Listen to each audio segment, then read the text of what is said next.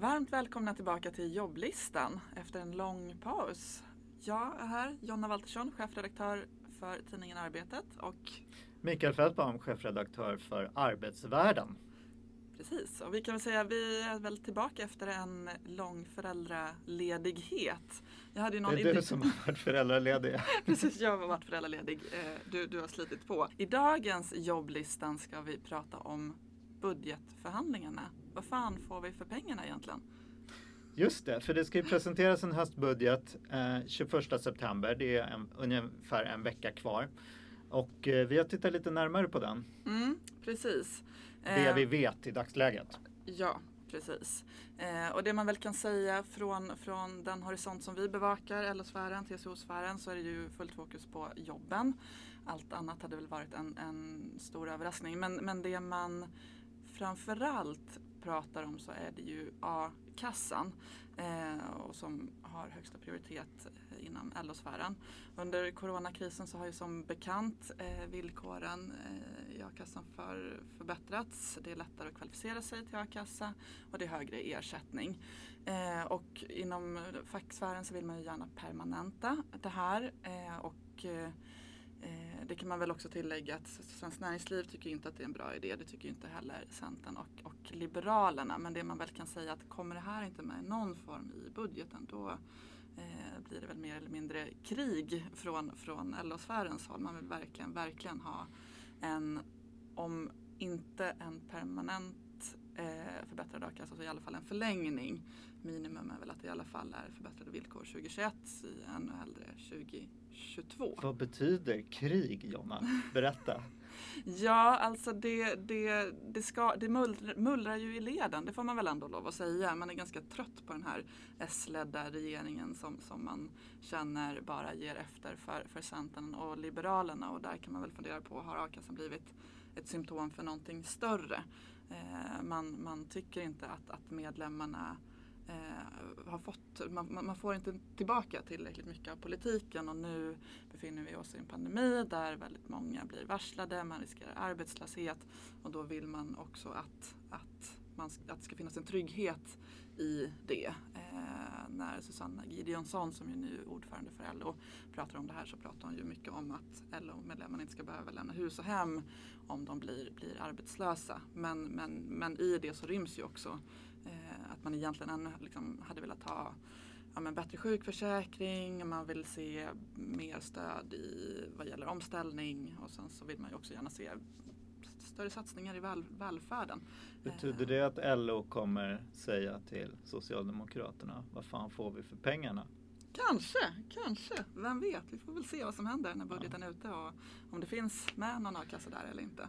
Även från TCO-sfären har det ju varit prioriterat med a-kassan. Mm. Man har ju varit ute och argumenterat för det. Mm. Om, det var väl lite så att eh, LO sa det här, a-kassan har vi för ett eh, stöd när man blir arbetslös. Allt annat vore liksom omoraliskt. Man har mm. arbetat sig till det här. Saco sa lite grann, vad fan får vi för försäkringspengarna? Mm. Och TCO, den gyllene medelvägens fackförening, sa ju naturligtvis att eh, naturligtvis ska man ha det här. Det är en trygghetssystem och det hjälper till att eh, man kan ha fullt fokus på arbetssökandet. Så det är även bra för samhällsekonomin. Just det. Mm. Ibland är det härligt då att arbeta för, för TCO.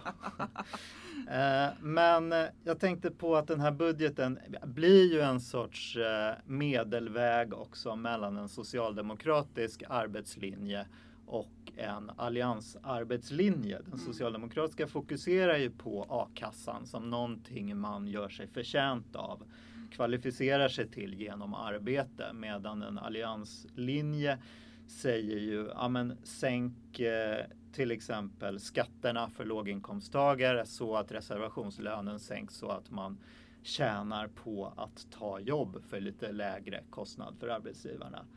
Eh, och alltså skapa incitament till att ta jobb. Och mm. den här, eh, den här eh, budgeten blir väl en sorts gyllene medelväg. Jag tänker också på eh, Alliansens inslag. L och C vill ju gärna ha de här eh, nedsatta arbetsgivaravgifterna för unga. Mm. Eh, och det är någonting som tidigare har dömts ut. Men jag tyckte att L i alla fall gjorde en liten eh, svängning och sa att vi ska ha det här för unga under 21.